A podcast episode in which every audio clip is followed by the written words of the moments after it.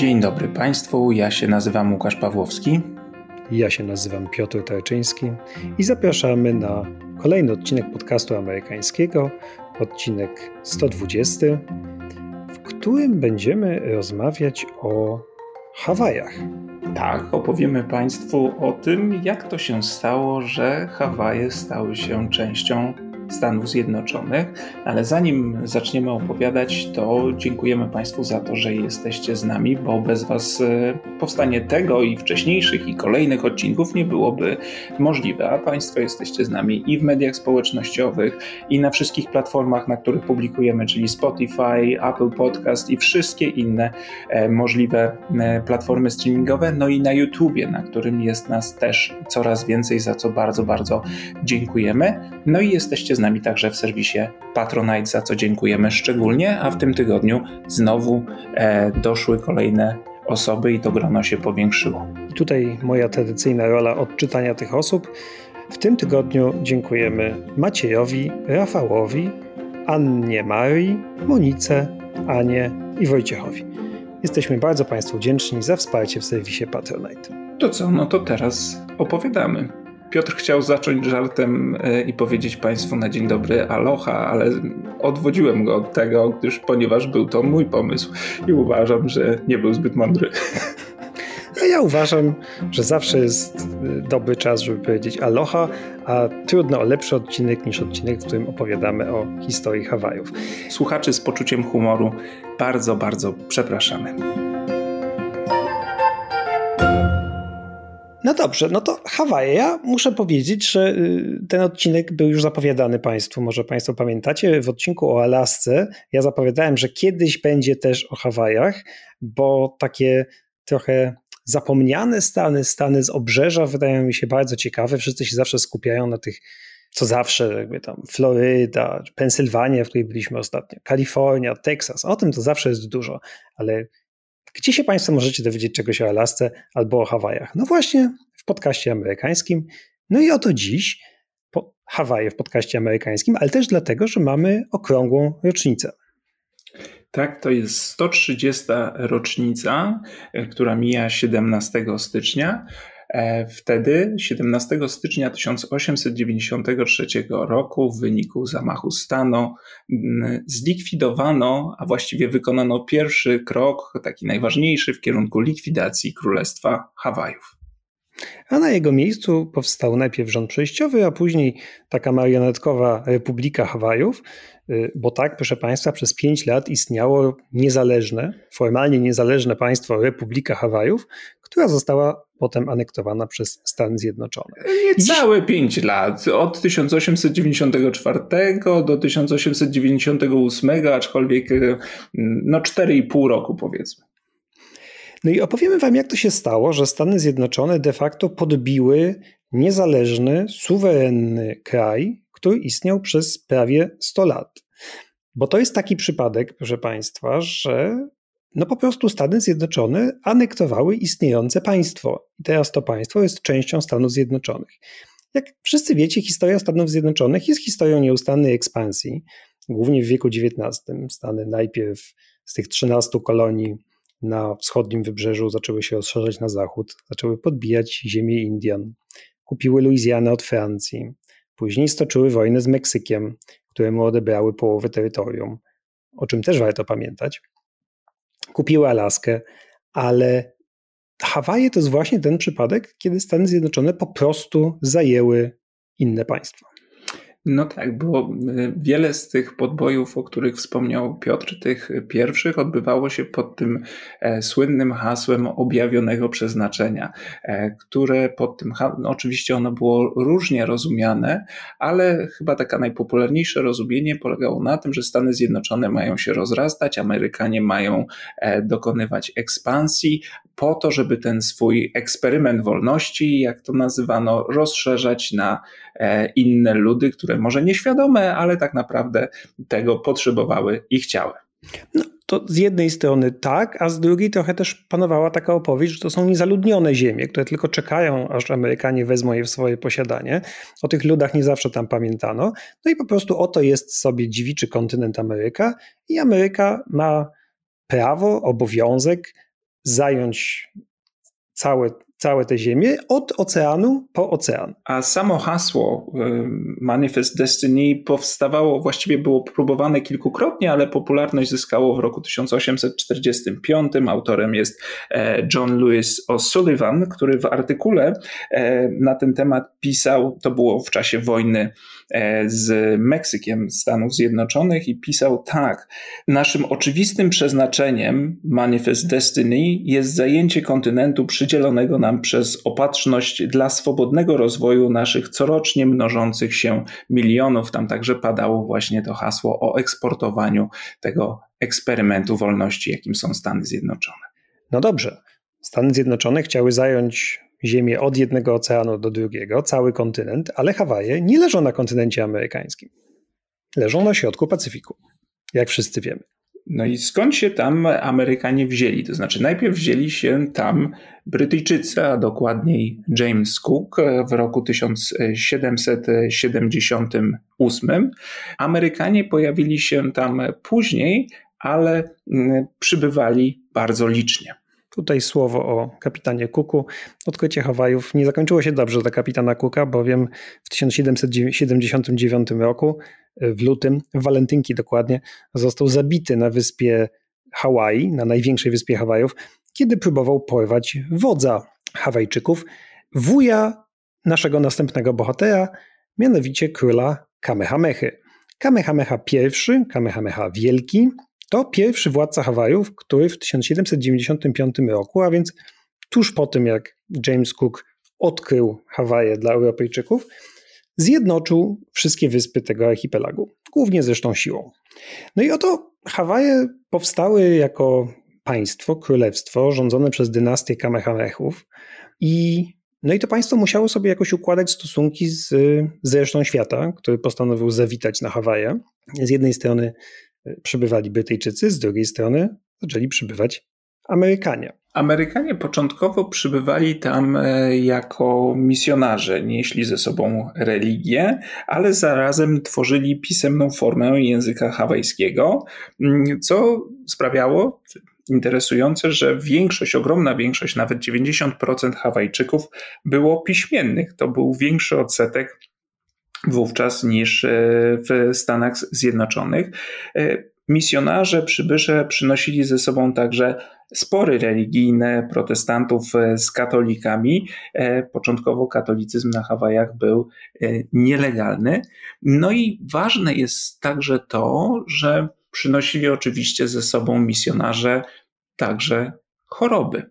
Jak to bywa przy odkryciach, jak to było przy odkrywaniu, mówimy to w cudzysłowie, Stanów Zjednoczonych, e, kontynentalnych i Ameryki mm, kontynentalnej, przynieśli ze sobą choroby, które doprowadziły do wymarcia bardzo dużej części populacji i rdzennych Hawajczyków e, w ciągu, ta liczba rdzennych Hawajczyków w ciągu 100 lat zmalała z 400 tysięcy do 40 tysięcy w 1893 roku. W roku 1920 było ich już tylko 24 tysiące. 10 10% populacji wyspy, a inni to byli nie tylko Europejczycy i Amerykanie, ale także Azjaci, których e, sprowadzano do pracy na plantacjach cukru, bo cukier stał się głównym towarem eksportowym Hawajów, e, no a Amerykanie, którzy przybywali na wyspy, już teraz e, przynosili ze sobą nie tylko religię, ale przynosili też e, kapitał, który chcieli przeznaczyć na zakup ziemi, żeby te plantacje cukru zakładać. No i to zmusiło władze Hawajów, królów Hawajów do wprowadzenia nowego konceptu, jakim była prywatna własność ziemi. Król Kamehameha III y, podzielił ziemię na mocy Machele, tak to się nazywało, podział ziemi, i jedna trzecia ziemi została zachowana dla monarchów, dla monarchy i jego rodziny, jedna trzecia dla wodzów i arystokracji, a jedna trzecia dla tak zwanych zwykłych ludzi. No ale jak to wiecie Państwo, teoria sobie, praktyka sobie, wyszło tak, że 98% ludzi, y, ziemi znalazło się w rękach y, no, elit hawajskich. No i te elity miały duży interes w tym, żeby Europejczycy, ale głównie Amerykanie, przybywali na Hawaje i e, zakładali plantacje cukru, a później ten cukier sprzedawali. No bo to zwiększało zamożność e, klasy panującej Hawajów. W związku z tym, chociaż początkowo nie zgadzano się na to, żeby obcokrajowcy mogli posiadać ziemię, stało się jednak inaczej. Ci misjonarze, czy potomkowi misjonarzy amerykańskich, zaczęli osiedlać się na Hawajach i uprawiać cukier, kupować ziemię, zakładać duże plantacje.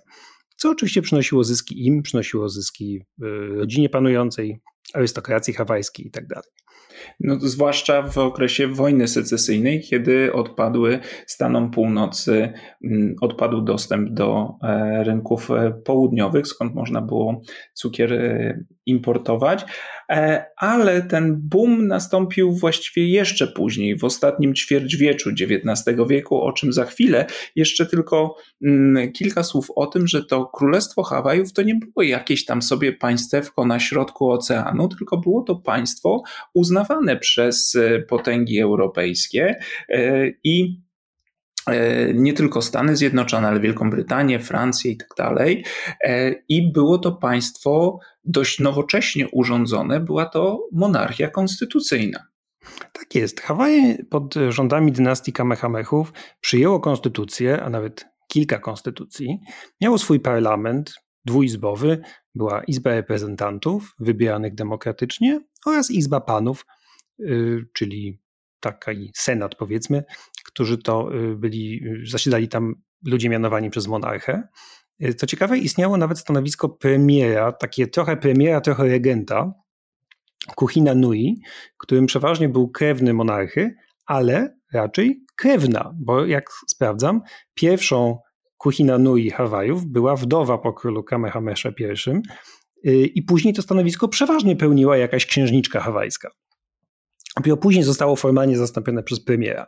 No więc mieliśmy państwo zorganizowane na sposób no, europejski, z konstytucją, parlamentem, monarchą. Przyjmowane w stolicach. Jego reprezentanci byli przyjmowani przez państwa i europejskie, na przykład brali udział w jednym z jubileuszy królowej Wiktorii, byli przyjmowani także w Białym Domu w Waszyngtonie.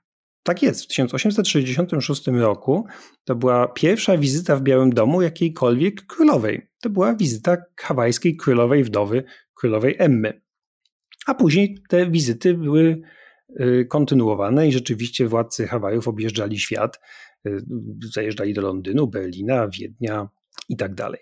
Więc y, mieliśmy oto po prostu państwo, owszem, rdzenne, które jednak y, jakby włączyło się w ten system światowy, było na tym, w tym systemie akceptowane, traktowane no, może nie jak wielkie mocarstwo oczywiście, ale jak jedno z pełnoprawnie istniejących państw. Ale cukier robił swoje. No i rzeczywiście gospodarka cukrowa okazała się błogosławieństwem Hawajów, błogosławieństwem dla części Hawajczyków, ale ostatecznie stało się jej przekleństwem. Amerykanie po wojnie secesyjnej zaczęli się Hawajami interesować szczególnie. No, rzeczywiście źródło cukru to było jedno, ale ta ekspansja Stanów Zjednoczonych, kiedy już zajęto cały kontynent, zaczęła się rozszerzać trochę dalej, w ramach innej doktryny, to znaczy takiej doktryny supremacji morskiej. Kluczem do rozwoju e, tak rozumianego miało być, miała być ekspansja na Pacyfik. Chodziło innymi o zdominowanie handlu i rynków azjatyckich, ale także z czasem e, zaczęto uznawać przejęcie tych wysp na Pacyfiku, innymi Hawajów, jako krok bardzo ważny dla zabezpieczenia Stanów Zjednoczonych przed e, atakiem, nie wiem, później już chociażby rozwijającej się Japonii ale zanim sięgnięto po Hawaje, no to szukano jeszcze miejsc do ekspansji na kontynencie. Sekretarz e, stanu jeszcze w administracji Lincolna, William Seward, którego Państwu przedstawialiśmy w odcinku o Lincolnie. To był senator z Nowego Jorku, który chciał być kandydatem Partii Republikańskiej na prezydenta, ale z Lincolnem przegrał i później służył w jego administracji, a później w administracji jego następcy Andrew Johnsona, najpierw liczył na przejęcie brytyjskiej Kolumbii, czyli tej obecnie zachodniej części Kanady. To się ostatecznie nie udało, ale kiedy pojawiła się okazja kupienia Alaski, no to to zrobił. Był wówczas wyśmiewany za to. Mówiło, mówiło się, że kupił e, taką bryłę lodu, nie wiadomo na co, ale okazuje się, że ta transakcja była jedną z lepszych w amerykańskiej historii. No a później po tym nastąpiła ta ekspansja w kierunku Pacyfiku. Najpierw, e, jak Piotr już wspominał, była wyspa Midway, zajęta w 1867, no a później Samoa i Hawaje stały się obiektem zainteresowania. Tak, no Samoa trochę bardziej na południu, Hawaje bardziej na północy. Ta historia była dość podobna, to znaczy na oba te archipelagi zaczęli sprowadzać się koloniści europejscy i amerykańscy, kupcy, wielorybnicy i tak dalej, ale w Samoa ostatecznie nie udało się Amerykanom przejąć w całości, tam ustanowiono protektorat amerykańsko-niemiecko-brytyjski, natomiast z Hawajami było łatwiej. Też dlatego, że były dużo bliżej kontynentu amerykańskiego i osadzało się tam szczególnie dużo Amerykanów. E, zarówno tych plantatorów, jak i misjonarzy, jak i potomków misjonarzy. I wkrótce Stany Zjednoczone w drugiej połowie XIX wieku stały się głównym partnerem handlowym Hawajów. No i jak to często bywa w takich przypadkach, zaczęły się coraz bardziej mieszać w sprawy polityczne kraju, który przynosił im takie duże zyski. Na z kolei uzależnione od eksportu do Stanów Zjednoczonych Hawaje były zmuszone pójść na mm, daleko idące ustępstwa. I w 1875 roku władze Hawajów e, zgodziły się na podpisanie takiego, właściwie to zabiegały o podpisanie takiego traktatu o wzajemności, w ramach którego Stany Zjednoczone zniosłyby cła na towary importowane z Hawajów. To się udało. Czyli głównie cukier? Oczywiście to się udało, e, ale w zamian Hawaje musiały udzielić pewnych koncesji terytorialnych, to znaczy Amerykanie dostali mm, wyłączność na użytkowanie Pearl Harbor. Tak, tego Pearl Harbor zaatakowanego w 1941 roku przez e, Japończyków. E, oficjalnie zaczęli z niego korzystać w 1887 roku. Baza na Hawajach, baza w Pearl Harbor była oczywiście istotna nie z powodów lotniczych, bo w 1887 roku to jeszcze nie była opracowana technologia, natomiast to była bardzo ważna baza y, węglowa, to znaczy tam zaopatrywano w węgiel y, okręty pływające dalej do Azji. I Stany Zjednoczone po prostu próbowały sobie stworzyć taką sieć baz wokół kraju, które byłyby takimi stacjami przystankowymi do dalszej ekspansji. Na Hawaje były szczególnie dobre, i Samoa, to na Pacyfiku, na Atlantyku taką bazą na przykład mogłyby stać się, mogłaby stać się Kuba. Kuba na Atlantyku? Jesteś, jesteś tego pewien? To znaczy wiem, że Amerykanie chcieli zdobyć Kubę, ale nie wiem, czy w tym właśnie celu. No dobrze, to był skrót myślowy. Na Morzu Karaibskim, ale z tej strony od strony atlantyckiej. No dobrze, to wróćmy na drugą stronę, na Hawaje. Po podpisaniu tego traktatu o wzajemności, wtedy następuje ten prawdziwy boom cukrowy. Ja znalazłem taką informację, że obszar, mm, gdzie cukier uprawiano, rozrósł się bardzo szybko z 49 km2 gruntów rolnych do 510 km2 w roku 1891. Także zmiana zasadnicza. Więc z jednej strony y, król Hawajów, król y, David Kalakua, podpisał ten traktat o wzajemności, oddał Amerykanom Pearl Harbor, ale z drugiej strony próbował jakoś tam dać odpór amerykańskiemu imperializmowi. To znaczy raczej próbował coś zrobić i zastanowić się, czy mógłby da, jakoś dać odpór. Y, to znaczy kupiono jeden okręt. Hawaje stworzyły w ten sposób swoją własną flotę wojskową, złożoną z jednego okrętu. Yy, no ale jak Państwo się domyślacie, to nie była y, wystarczająca siła morska, która mogła stawić czoła Amerykanom, ale też próbował działać politycznie, na przykład stworzyć taką konfederację państw Polinezji, czyli na przykład Hawajów i Samoa, które razem mogłyby jakoś y, silniej stawiać czoła nie tylko Amerykanom, ale też Niemcom i Brytyjczykom. No ale to oczywiście spowodowało oburzenie mocarstw, w to zaangażowanych, no i z całej tej konfederacji niewiele wyszło. Za to zaktywizowali się ci, którzy dążyli do e, przyłączenia Hawajów do Stanów Zjednoczonych, e, a przynajmniej wzmocnienia swojej władzy na Hawajach i w 1887 roku grupa białych plantatorów, osadników zrzeszonych w tak zwanej Lidze Hawajskiej zorganizowała bunt i zmusiła króla Kalakułem do podpisania nowej konstytucji. Tę konstytucję nazywała się tak e, skrótowo konstytucją bagnetową, Bayonet Constitution, a to dlatego, że została podpisana pod e, przymusem. I ta konstytucja to jest ciekawa, e, ciekawy zabieg, bo ona tak na pierwszy rzut oka wydaje się demokratyzować kraj. To znaczy, ona bardzo ograniczała władzę króla i zmuszała też króla do zdymisjonowania swojego premiera. Zresztą to był pretekst do tego, żeby mm, ten bunt podnieść. Premierem był niejaki Walter Gibson, mormoński awanturnik, który zakładał na Hawajach kolonie mormońskie, a później był takim e, człowiekiem od wszystkiego i ze względu na tę władzę, którą zgromadził, wezwano do jego obalenia nazywano go ministrem wszystkiego, ponieważ był taki moment, w którym on był, on i jeszcze jeden człowiek byli ministr, to był cały gabinet. Składał się tylko z e, Waltera Gibsona, który był ministrem spraw zagranicznych, wewnętrznych, no absolutnie wszystkiego. Był oczywiście też Amerykaninem, co też pokazuje, że nie wszyscy Amerykanie wtedy chcieli osłabienia Hawajów. Część Amerykanów uważała, że jakby inną metodą jest próba zdobycia swojej własnej pozycji na Hawajach i, i, w ten sposób próbowali działać. Ale rzeczywiście ci bogaci plantatorzy cukrowi coraz częściej y, myśleli, jeśli nie o przyłączeniu Hawajów jeszcze, no to przynajmniej o całkowitym zdominowaniu politycznym tego kraju. No i ta nowa konstytucja w tym kierunku szła. E, ona wprowadzała między innymi, pozwalała obejść królewskie weto większością dwóch trzecich w legislaturze.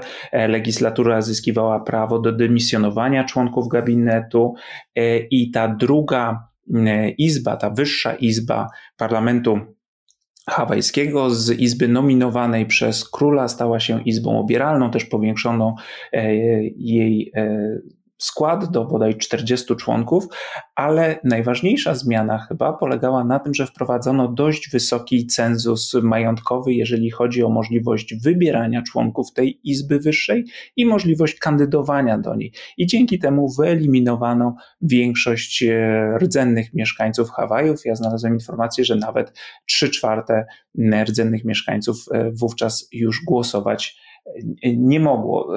Ja znalazłem też dokładnie nawet wymagania, że to były wymagania dochodu w wysokości 600 dolarów, co jest równowartością mniej więcej 18 tysięcy dolarów dzisiejszych, lub majątku e, podlegającego opodatkowaniu w wysokości 3000 dolarów, co jest równowartością mniej więcej 90 tysięcy dolarów. Wydaje się nie tak strasznie dużo, ale skutek był właśnie taki, że e, większość Hawajczyków to prawo głosu straciła.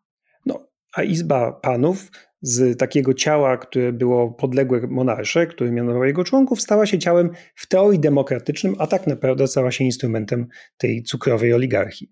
I co ważniejsze, jednocześnie przyznana, przyznała nowa konstytucja prawo głosu rezydentom zagranicznym, czyli nie trzeba było być e, Hawajczykiem z urodzenia, żeby głosować, i jednocześnie wyeliminowano to prawo głosu dla wszystkich e, migrantów z Azji. A więc Europejczycy, Amerykanie i ta część e, rdzennych Hawajczyków zachowała prawa głosu, ale ograniczone cenzusem majątkowym. No więc to przeniesienie, jak gdyby centrum władzy i siły politycznej było wyraźne.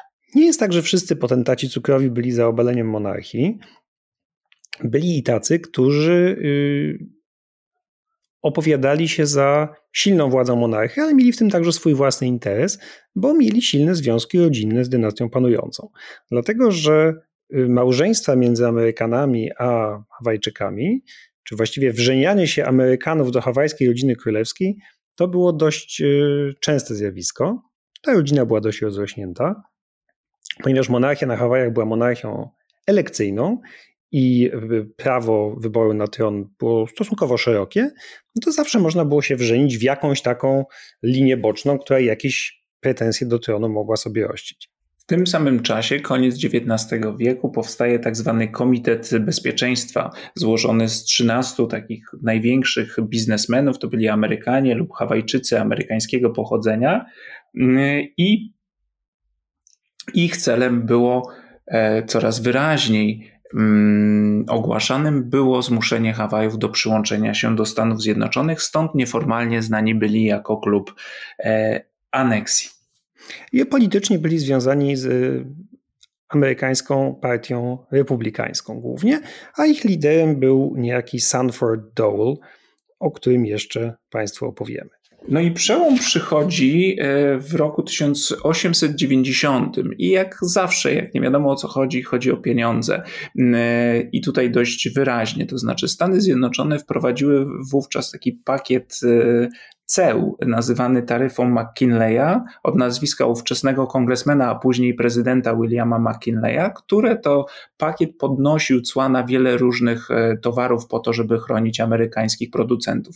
Ale tak się składa, że na cukier akurat e, cła znosił, a więc niezależnie od tego skąd Amerykanie importowali cukier, to cło zostało zniesione po to, żeby obniżyć jego ceny ale skutek był taki, że Hawaje, które wcześniej miały zniesiony cło na cukier, straciły swoją dominującą pozycję, a jakby tego było jeszcze mało, to rodzinym, rodzimym producentom cukru rząd amerykański zaczął do produkcji dopłacać.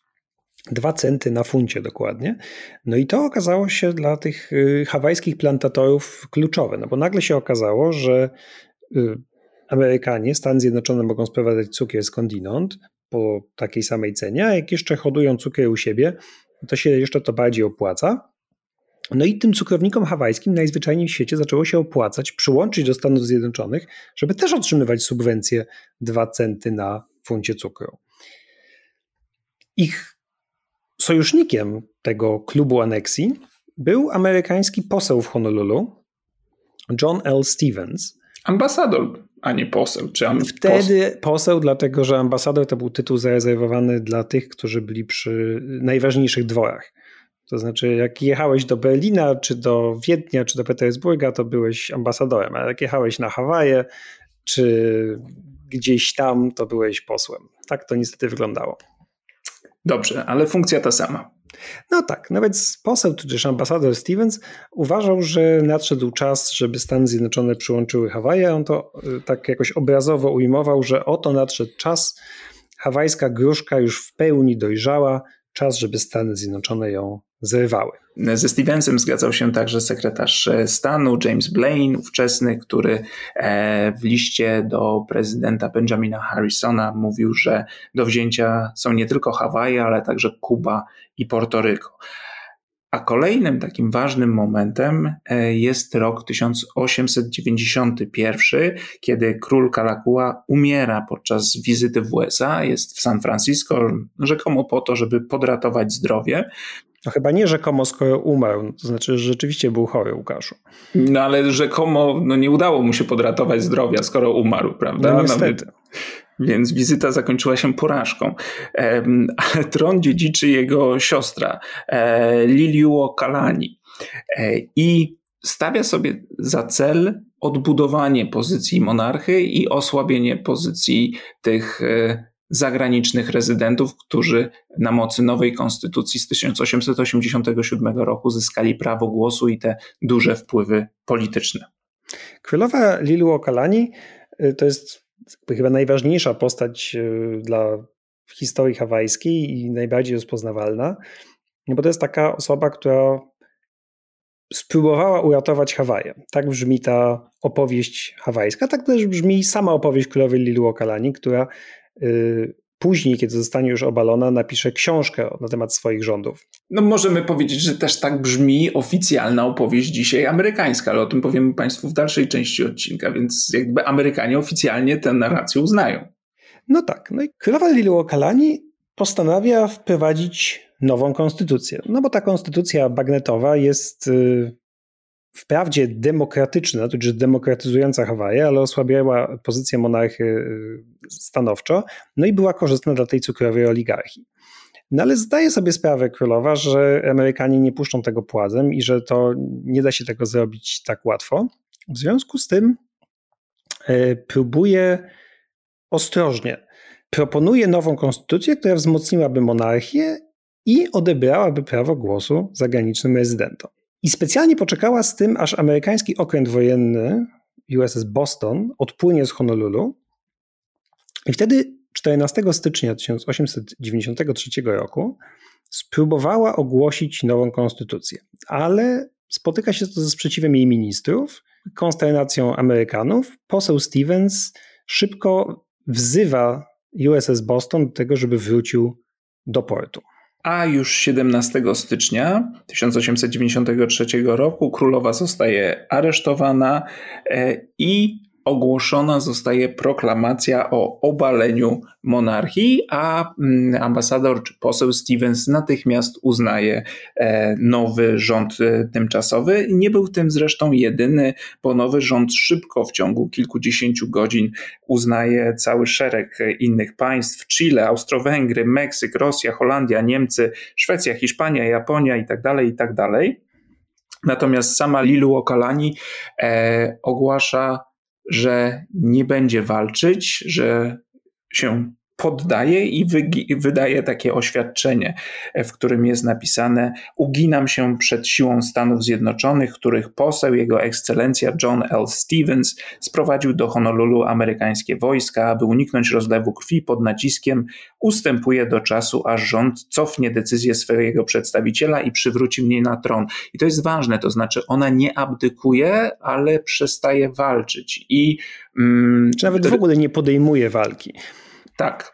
E, ale chodzi o to, że to nie jest oficjalna abdykacja, tylko właśnie rezygnacja z walki w oczekiwaniu na to, że sprawiedliwości z jej punktu widzenia stanie się zadość i na tron wróci. No i to nie były zupełnie bezpodstawne yy, nadzieje, dlatego że puczyści ustanowili wprawdzie rząd tymczasowy, na czele postawili Sanforda Dola, ale ich celem było jak najszybsze przyłączenie Hawajów do Stanów Zjednoczonych – musieli się śpieszyć, dlatego że urzędujący prezydent Benjamin Harrison był republikaninem i był jak najbardziej za. Mówiliśmy Państwu, że jego sekretarz stanu Blaine był jak najbardziej za przyłączeniem tej dojrzałej gruszki, jaką były Hawaje. No i w styczniu zamach stanu, w lutym traktat y, o aneksji Hawajów zostaje wysłany do Senatu, żeby go Senat ratyfikował, ale w Stanach Zjednoczonych właśnie dochodzi do zmiany władzy. W listopadzie poprzedniego roku, w listopadzie 1892 roku, odbyły się wybory prezydenckie. Benjamin Harrison przegrał walkę o reelekcję i do władzy dochodzi Grover Cleveland, demokrata, człowiek, który już był wcześniej prezydentem, ale przegrał wybory, to, to znaczy to jest takie skomplikowane. No powiedz, jak dlaczego jest skomplikowane? No bo Grover Cleveland jest znany, proszę Państwa, z tego, że jest jedynym prezydentem w historii Stanów Zjednoczonych, który rządził przez dwie kadencje, ale nie dwie kadencje, które następowały po sobie, więc pytanie w krzyżówce, jeżeli będzie to odpowiedź Grover Cleveland. Tak, no Donald Trump chciałby też być takim Groverem Clevelandem. W każdym razie do władzy wraca Grover Cleveland, który jest. No ale powiedz, dlaczego Dobrze. przegrał wtedy, bo nie powiedziałeś tego, a to ciekawe. Powiedziałeś, że to skomplikowane. No to ja się chętnie dowiem, czemu takie skomplikowane. No bo zdobył więcej głosów w głosowaniu powszechnym, ale przegrał w kolegium elektorskim. No to takie, teraz to jest norma. ale wtedy to było jednak dość zaskakujące. No dobrze, to on dochodzi do władzy po raz kolejny i jest przeciwnikiem aneksji. Mało tego, on krytykuje to, co zrobili Amerykanie na Hawajach i właściwie to przeprasza za to, co się stało. On natychmiast wycofuje traktat z Senatu i zarządza specjalne dochodzenie. Tutaj jeszcze ważna uwaga dla tych z Państwa, którym się nie zgadzają daty. Zamach stanu jest 17 stycznia, ale wtedy, pod koniec XIX wieku, sukcesja prezydencka, znaczy zmiana kadencji jest w marcu. W związku z tym to okienko, które miała Lilu Okalani, tudzież raczej inaczej, które mieli puczyści na to, żeby jak najszybciej przyłączyć Hawaje, to nie były trzy dni do 20 stycznia, kiedy odbyłaby się dzisiaj inauguracja nowego prezydenta, tylko mają miesiąc z hakiem. No ale wiecie Państwo, jest koniec XIX wieku, wszystko trwa. A zatem prezydent Cleveland wycofuje traktat, mówi, że wydarzyło się coś bardzo, bardzo niedobrego i wysyła swojego specjalnego przedstawiciela na Hawaje, żeby zbadał sytuację i przyjrzał się temu, do czego tam tak naprawdę doszło. I tu jest bardzo ciekawa sytuacja, no bo ten oto Grover Cleveland, demokrata z Nowego Jorku, yy, który jest przeciwnikiem imperialistycznych zapędów republikanów, szuka sojuszników. Jego sojusznikami są demokraci, ale demokraci z południa. Y, rasistowscy demokraci z południa, którzy właśnie wtedy, pod koniec XIX wieku, na całego wprowadzają apartheid na południu Stanów Zjednoczonych. Wprowadzają prawa Jima Crowa, segregację rasową, gdzie się tylko da. I oto jednego z tych segregacjonistów, byłego zresztą konfederatę, Jamesa Blounta z Georgii, Grover Cleveland wysyła na Hawaje. No dobrze, ale dlaczego demokraci z południa Stanów Zjednoczonych byli sojusznikami Clevelanda, jeśli chodzi o nieanektowanie Hawajów? No, powodem był rasizm. To znaczy, demokraci z południa nie chcieli mieć nowego stanu czy nowego terytorium w kraju, w którym zamieszkiwałoby tak niewielu białych, dlatego że struktura demograficzna Hawajów się zmieniła w XIX wieku, o czym mówiliśmy. Rdzenni Hawajczycy wymierali na potęgę, to prawda, ale na ich miejsce y, plantatorzy cukrowi sprowadzali robotników z Chin, z Japonii. No i perspektywa wpuszczenia do Stanów Zjednoczonych tylu Azjatów y, przerażała demokratów z południa, rasistów z południa, zresztą wszystkich rasistów wtedy przerażała.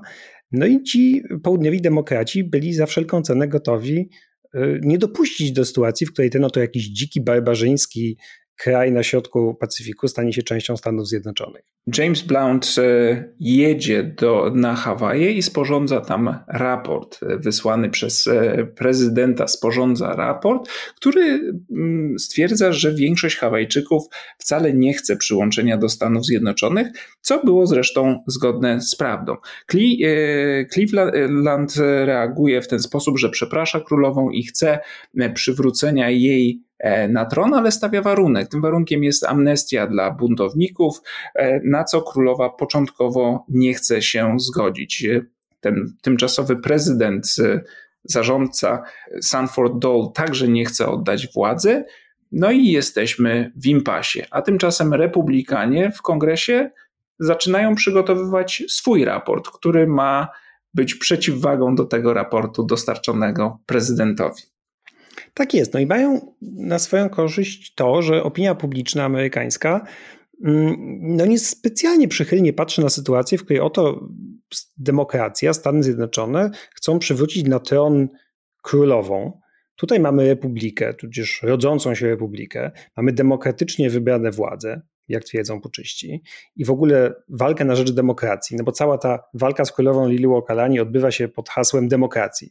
Oto jest jakaś despotka, która pragnie wzmocnienia władzy autorytarnej, a to my chcemy wyborów, chcemy mieć Izbę Reprezentantów, y, jesteśmy demokratami. No i rzeczywiście opinia publiczna y, i najważniejsze amerykańskie gazety stoją po stronie republikanów, stoją po stronie aneksji. Najważniejsze amerykańskie gazety należą wtedy do takich magnatów prasowych jak Pulitzer czy Hearst. No i oni zdecydowanie popierają aneksję Hawajów, no i Clevelandowi rzeczywiście jakoś niezręcznie. On sam osobiście uważa, że aneksja Hawajów byłaby niemoralna, ale rzeczywiście jest w niełatwej pozycji, a Lili Wokalani mu nie ułatwia tym, że absolutnie nie chce amnestii dla poczystów. Uważa, że powinni ponieść karę, jeśli nie karę śmierci, no to przynajmniej konfiskatę i wygnanie. A sam Cleveland jeszcze w orędziu do o stanie państwa w grudniu 1893 roku mówi bardzo wyraźnie: Na podstawie przedstawionych faktów wydawało mi się, że jedynym honorowym sposobem postępowania naszego rządu było naprawienie zła wyrządzonego przez tych, którzy nas reprezentują i przywrócenie, na ile to możliwe, stanu istniejącego w momencie naszej przymusowej interwencji. Więc potwierdza, że e, Amerykanie interweniowali, że użyli swojej siły i że przyczynili się do tej zmiany rządu, że ona nie była spontaniczna. No tak, no ale republikanie w Senacie działają także, jak powiedział Łukasz, i zamawiają swój raport, nazwany raportem Morgana, od nazwiska senatora Johna Morgana, który zresztą też był konfederatą z południa, tylko z jakiegoś powodu y, popierał aneksję. No i on napisał raport, który jest zupełną odwrotnością raportu Blounda. To znaczy, tam się nic nie zgadza. W tym raporcie czytamy, że zamach stanu był dziełem lokalnym, że Stany Zjednoczone y, nie wzięły w tym udziału, a wojska amerykańskie jedynie chroniły Amerykanów przed y, wybuchem przemocy, że powodem były despotyczne i skorumpowane rządy królowej. Właściwie jedyny błąd, jaki cały raport Morgana stanowi, no to jest wywieszenie flagi Stanów Zjednoczonych. Zdjęcie flagi hawajskiej i zawieszenie flagi Stanów Zjednoczonych, no to rzeczywiście przyznaje raport Morgana, to było niewłaściwe. Jak to z jakiegoś powodu Morgan popierał tę aneksję kawał, y, Hawajów. Z jakiego powodu? No nie możesz tak zostawiać słuchaczy, nie, nie, wytłuma- nie tłumacząc, dlaczego tak było. No dobrze, no z kolei Morgan miał inny pomysł. On uważał, że należy wszystkich czarnych z południa przesiedlić na Hawaje. W związku z tym aneksja Hawajów y, była jego pomysłem na y, rozwiązanie problemu, jaki zostawiła wojna secesyjna i wyzwolenie niewolników. No ale Cleveland znajduje się w trudnym położeniu i ostatecznie nie robi nic. To znaczy ten rząd tymczasowy trwa, a 4 lipca 1894 roku zostaje ogłoszone powstanie Republiki Hawajów z Dolem jako jej pierwszym i jedynym prezydentem a Cleveland musi uznać to niezależne państwo, które jakże symbolicznie ogłosiło niepodległość 4 lipca. To też, proszę Państwa, była oczywiście zagrywka PR-owa. Później są jeszcze próby y, buntu. To kilka miesięcy później, w styczniu 1895 roku, dochodzi do takiego buntu e, i próby przywrócenia królowej e, na tron. Zresztą buntownicy koordynowali swoje działania z królową, ale ta wojna domowa, czy właściwie krótkotrwały, bo kilkudniowy konflikt y, kończy się na niczym. Buntownicy zostają e, aresztowani. To było sto kilkadziesiąt osób, które wówczas e, aresztowano. Aresztowana jest także królowa, którą oskarża się o e, współudział w tym buncie. O to, że chowała broń i bomby na terenie swojej rezydencji, co chyba było zresztą prawdą. I w swojej dawnej sali tronowej, w dawnej sali tronowej Pałacu Królewskiego w Honolulu zostaje skazana na 5 lat ciężkich robót, co zostaje wszakże zamienione na areszt domowy w pałacu. A przywódca powstania Robert Wilcox zostaje skazany na śmierć. E, no ale wyroków śmierci się po tym buncie nie wykonuje, bo też e, królowa mm, decyduje się podpisać oficjalny akt abdykacji w zamian za to, że ci jej najbliżsi współpracownicy, że zostanie im ta kara śmierci e, darowana, a ostatecznie zarówno Wilcox, jak i królowa zostają rok później uniewinnieni przez prezydenta Dola. Ale przez rok królowa Lilu Okalani spędza czas w areszcie domowym w swoim dawnym pałacu, gdzie zajmuje się pisaniem książki, tej właśnie książki o historii Hawajów i komponuje pieśni, była bowiem y, utalentowaną kompozytorką y, i jednym z jej najsłynniejszych utworów jest taka pieśń Aloha Oi, którą Państwo może znają, tylko nie wiedzą, że jest to utwór skomponowany przez y, byłą królową Hawajów. Ale rzeczywiście po tej abdykacji, po ogłoszeniu republiki, szanse na przywrócenie monarchii na Hawajach są już rzeczywiście znikome i aneksja zbliża się wielkimi krokami. No tym bardziej, że w Stanach Zjednoczonych znowu następuje zmiana władzy. Prezydentem zostaje William McKinley, który chyba nawet w swojej kampanii wyborczej obiecuje e, przyłączenie Hawajów e, i to e, robi. Początkowo ma problem, bo chce to zrealizować w ramach traktatu. Potrzeba do tego dwóch trzecich głosów w Senacie i ich e, nie może zdobyć. Ale znów następuje zmiana sytuacji międzynarodowej, wybucha wojna Stanów Zjednoczonych e, z Hiszpanią o Kubę, e, o niepodległość Kuby. E, do której znów Piotr wspomniał o tych magnatach prasowych. Ci magnaci prasowi również do owej wojny zachęcają. McKinley jest pod presją i ta wojna wybucha, a kiedy wybucha wojna, no to pojawiają się głosy, że czy wracają te głosy mówiące, że posiadanie wysp na środkowym Pacyfiku jest kluczowe dla zapewnienia bezpieczeństwa Stanom Zjednoczonym. No także dlatego, że ta wojna o niepodległość Kuby, wojna z Hiszpanią, toczy się także na Filipinach, a Hawaje znajdują się w pół drogi do Filipin. W związku z tym, to wprawdzie Stany Zjednoczone mają swoją bazę w Pearl Harbor, no ale posiadanie tam już na stałe swojego terytorium jest zawsze bezpieczniejsze niż posiadanie formalnie niezależnej, zaprzyjaźnionej republiki. A republika wspiera Stany Zjednoczone w czasie tej wojny i udziela e, gościny amerykańskim żołnierzom, którzy są tam witani e, entuzjastycznie. No i to sprawia, że ta aneksja przyspiesza i y, przez kongres 4 lipca znowu 1898 roku znaczną większością przechodzi rezolucja o aneksji Republiki Hawajów i 12 sierpnia 1898 roku w Pałacu Iolani, dawnym Pałacu Królewskim, odbywa się formalna aneksja. Po raz ostatni zagrano hymn Hawajów, opuszczono flagę Hawajów, wciągnięto na maszt flagę Stanów Zjednoczonych, a prezydent Sanford Dole zamienił fotel prezydenta na fotel gubernatora terytorium Hawajów. No bo tu warto dodać, Hawaje nie stały się stanem. Hawaje zostały zamienione w terytorium, czyli taki, takie, taką formę prawną w pół drogi. Opowiadaliśmy Państwu o tej formie w odcinku o Alasce. Terytorium to jest taki, taka konstrukcja prawna, gdzie wszyscy obywatele są obywatelami Stanów Zjednoczonych, ale nie mają prawa do samostanowienia, to znaczy nie wybierają swojej legislatury, nie wybierają swojego gubernatora, gubernator jest mianowany. No i taka, taki stan rzeczy utrzyma się na Hawajach przez ponad pół wieku, dlatego że terytorium Hawajów jedyne co ma, jakie ma prawo, to do jednego reprezentanta w Izbie Reprezentantów w Waszyngtonie, ale jest to reprezentant, który nie ma prawa głosu. Tak, jest delegatem. E, no to pytanie, dlaczego to tak długo trwało, że Stany, e, że Hawaje nie stały się kolejnym stanem, że to nastąpiło dopiero w 1959 roku. Zresztą mm, w tym samym roku stanem stała się Alaska. To troszkę wcześniej. Tak, jako 49, a Hawaje są tym ostatnim przyłączonym do Stanów Zjednoczonych stanem. No, Alaska czekała ciut dłużej.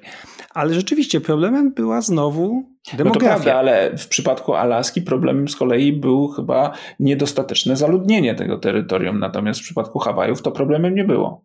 Y, to prawda, aczkolwiek z tym niedostatecznym zaludnieniem to różnie bywa. Nie takie rzeczy robiono w historii Stanów Zjednoczonych. Jeśli trzeba było dane terytorium zamienić w stan, to nagle brakująca populacja się znajdowała przynajmniej na papierze.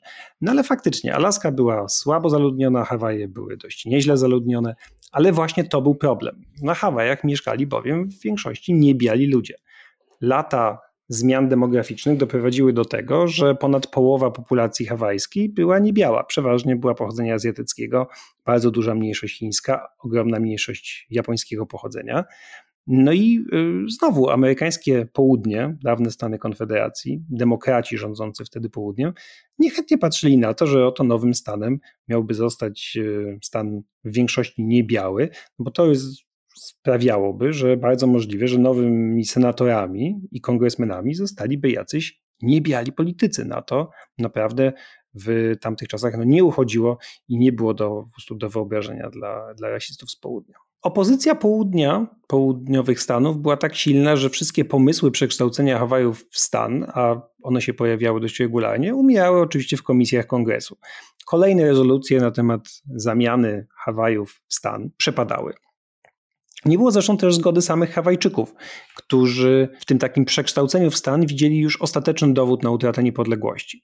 Taki stan rzeczy utrzymał się, jak mówimy, przez prawie 60 lat, mm, ale powoli sami Hawajczycy zaczęli dojrzewać do takiej myśli, że może jednak warto mieć głos w tym, co się dzieje w Waszyngtonie, że może warto brać udział w wyborach prezydenckich, bo terytoria nie biorą udziału w wyborach prezydenckich, że może warto mieć reprezentację w y, kongresie, większą niż tylko ten jeden delegat bez prawa głosu, mieć dwóch senatorów, do których uprawniony jest każdy stan, mieć swojego kongresmena z prawem głosu. No i rzeczywiście sondaże pokazywały, że już w 1940 roku czyli tuż przed y, atakiem na Pearl Harbor, dwie trzecie mieszkańców Hawajów popierało przekształcenie w stan. Ale znowu nie było wciąż woli politycznej w Waszyngtonie. Sam zresztą Franklin Delano Roosevelt też nie chciał przyłączać Hawajów jako stan. Zmiana polityczna nastąpiła dopiero w y, latach 50. W 1954 roku doszło do tak zwanej rewolucji demokratycznej. To znaczy Partia Republikańska, która rządziła Hawajami dość niepodzielnie od czasów aneksji, zaczyna tracić władzę. Wybucha fala strajków, protestów i zaczynają wygrywać demokraci w lokalnych wyborach. A ponieważ większość populacji popiera przyłączenie, zmianę statusu terytorium, odbywa się referendum. W 1959 roku 98% mieszkańców popiera przekształcenie w stan. No i to już jest y, coś, od czego właściwie nie ma odwrotu. Y, ta sprawa zostaje niejako połączona z przyłączeniem Alaski. To znaczy w Waszyngtonie następuje zgoda, że oto może warto przyłączyć te dwa terytoria, które już tak długo czekają, Alaskę i Hawaje. Panuje też takie przekonanie, że jeden z tych stanów pewnie, pewnie będzie bardziej republikański, drugi pewnie będzie bardziej demokratyczny. Tylko odwrotnie niż myślimy dzisiaj, że Alaska miała być bardziej demokratyczna, a Hawaje bardziej republikańskie. Tak, tak właśnie uważano. No i tak przez chwilkę było, to się dopiero później zmieniło. A teraz znowu się trochę zmienia e, na Alasce, ale dobrze. Nie na Hawajach. I wreszcie te 8 miesięcy po Alasce, 21 sierpnia 1959 roku, Hawaje zostają 50. ostatnim stanem. No dobrze, a później e, Amerykanie w 1993 roku, 100 lat po tym jak przyczynili się do obalenia Królestwa Hawajów, mówią: No, sorry, i prezydent Bill Clinton podpisuje taką e, deklarację, rezolucję, która przechodzi przez kongres e, i w której Stany Zjednoczone całkowicie uznają swoją winę czy swoje zaangażowanie w cały ten proces obalania Królestwa Hawajów. Rezolucja nie jest długa, ma kilka stron, no ale wszystkie te fakty, które Państwu przytaczaliśmy, się w niej e, znajdują. Między innymi napisano tam e, tyle, że rdzenni Hawajczycy nigdy nie porzucili swojej niezależności ani swoich roszczeń, że nie odbyło się żadne referendum. E, no i przyznają, e, przyznaje kongres i prezydent, że niezależną władzę hawajską obalili obywatele i przedstawiciele Stanów Zjednoczonych, tylko na końcu pojawia się takie małe, malutkie zastrzeżenie. Tak, drobnym druczkiem. Dowiadujemy się, że nic w niniejszej rezolucji nie może służyć jako podstawa do roszczeń przeciw rządowi Stanów Zjednoczonych. No ale zwolennicy y, niepodległości Hawajów sądzą inaczej. Uważają, że te przeprosiny i ta rezolucja to jest właśnie dowód na to, że mają prawo domagać się niepodległości niepodległości albo przynajmniej jakichś odszkodowań, no bo rzeczywiście rezolucja mówi, bardzo nam przykro, że anektowaliśmy was siłą i wbrew waszej woli, ale to nic nie zmienia i proszę nie wyobrażać sobie zbyt wiele na podstawie tej rezolucji. No i faktycznie, Hawaje są dalej stanem. E, anektowane ziemie nie zostaną zwrócone, bo nie bardzo wiadomo, komu miałyby zostać zwrócone. I chociaż Hawaje znajdują się w zupełnie innym punkcie niż te 100 lat wcześniej, nie istnieją już te wielkie cukrownie, przestały istnieć, zmieniła się gospodarka Hawaju, ale wciąż istnieje ziemia. Wciąż istnieją ziemie hawajskie, ziemie, które należały do korony, y, do królowej i do jej rodziny, które zostały przejęte przez terytorium, a które teraz należą do stanu Hawaje. No i to jest problem, bo ziemia na Hawajach, jak Państwo wiecie, jest bardzo, bardzo cenna. Y, nie ma jej wiele. Stan jest y, piękny, jest ciepło, jest ładnie, wszyscy chcą tam jeździć, jest tam drogo. No więc Ziemia jest najcenniejszym dobrem na Hawajach obecnie. Y, dość rzec, że niedawno jedną wyspę, no tam niedawno, chyba z 10 lat temu, jedną wyspę na Hawajach y, kupił Larry Ellison, jeden z najbogatszych ludzi na świecie i za wyspę zapłacił bodajże pół miliarda dolarów wtedy, 10 lat temu. Ale to jest ważne, bo to była ziemia, która należała do jednej z tych firm, które są spadkobiercami prawnymi tych dawnych firm cukrowych. No i ziemia na Hawajach to jest takie coś, co należy częściowo do stanu. To są te pozostałości tych ziem królewskich, które odebrano królowej Lilu Okalani, która wprawdzie starała się o jakieś odszkodowanie za te ziemię y, już po abdykacji, jeździła do Stanów, składała petycje w kongresie, ale nic jej nie przyznano poza jakąś tam skromną rentą.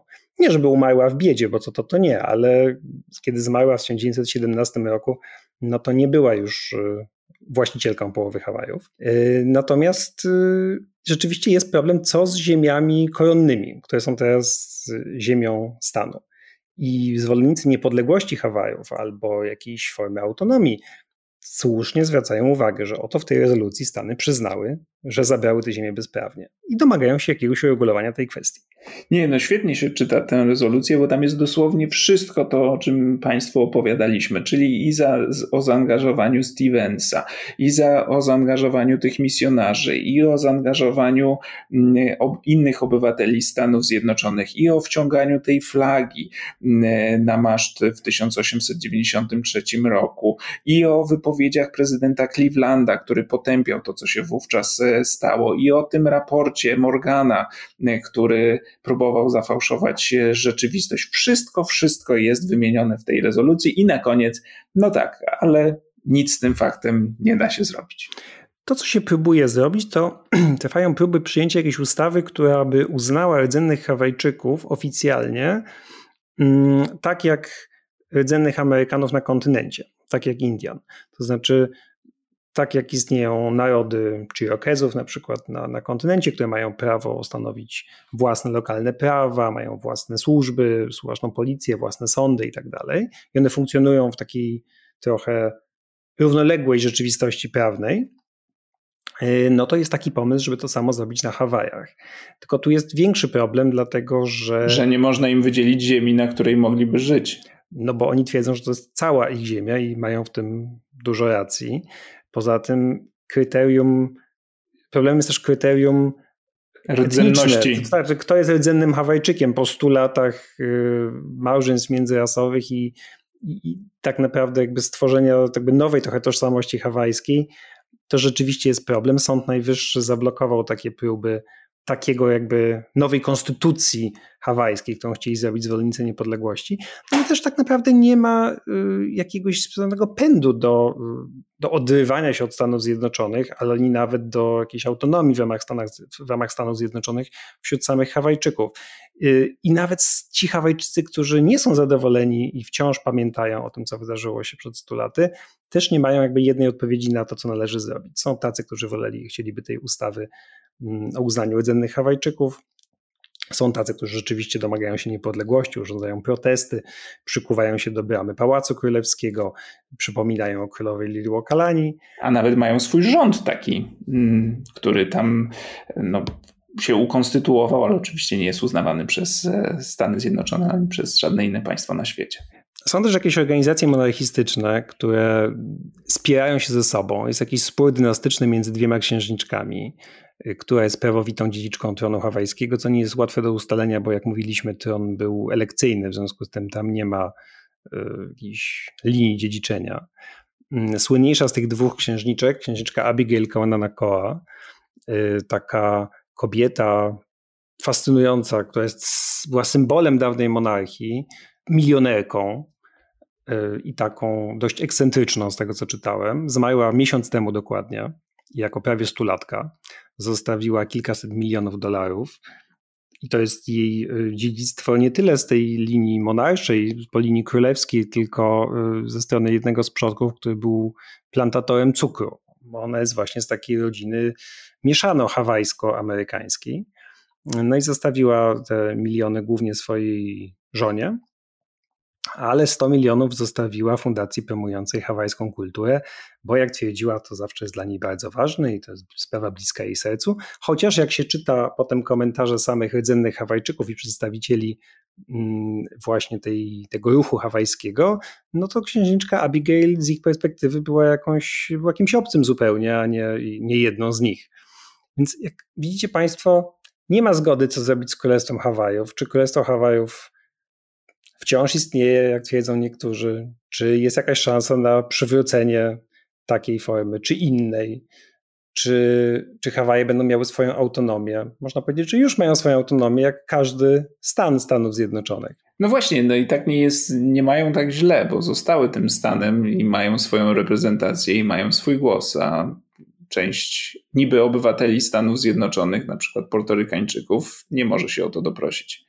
E, w związku z tym, pod tym względem Hawaje i tak wyszły lepiej na tych zmianach, choć, tak jak Państwu powiedzieliśmy, e, nie było, nie było to terytorium przyłączone tak jak pozostałe terytoria Stanów Zjednoczonych, czy to mm, po prostu osiedlane i skąd wypędzano rdzennych mieszkańców, e, czy kupowane od innych państw. Tutaj państwo funkcjonowało i przez Amerykanów zostało przejęte.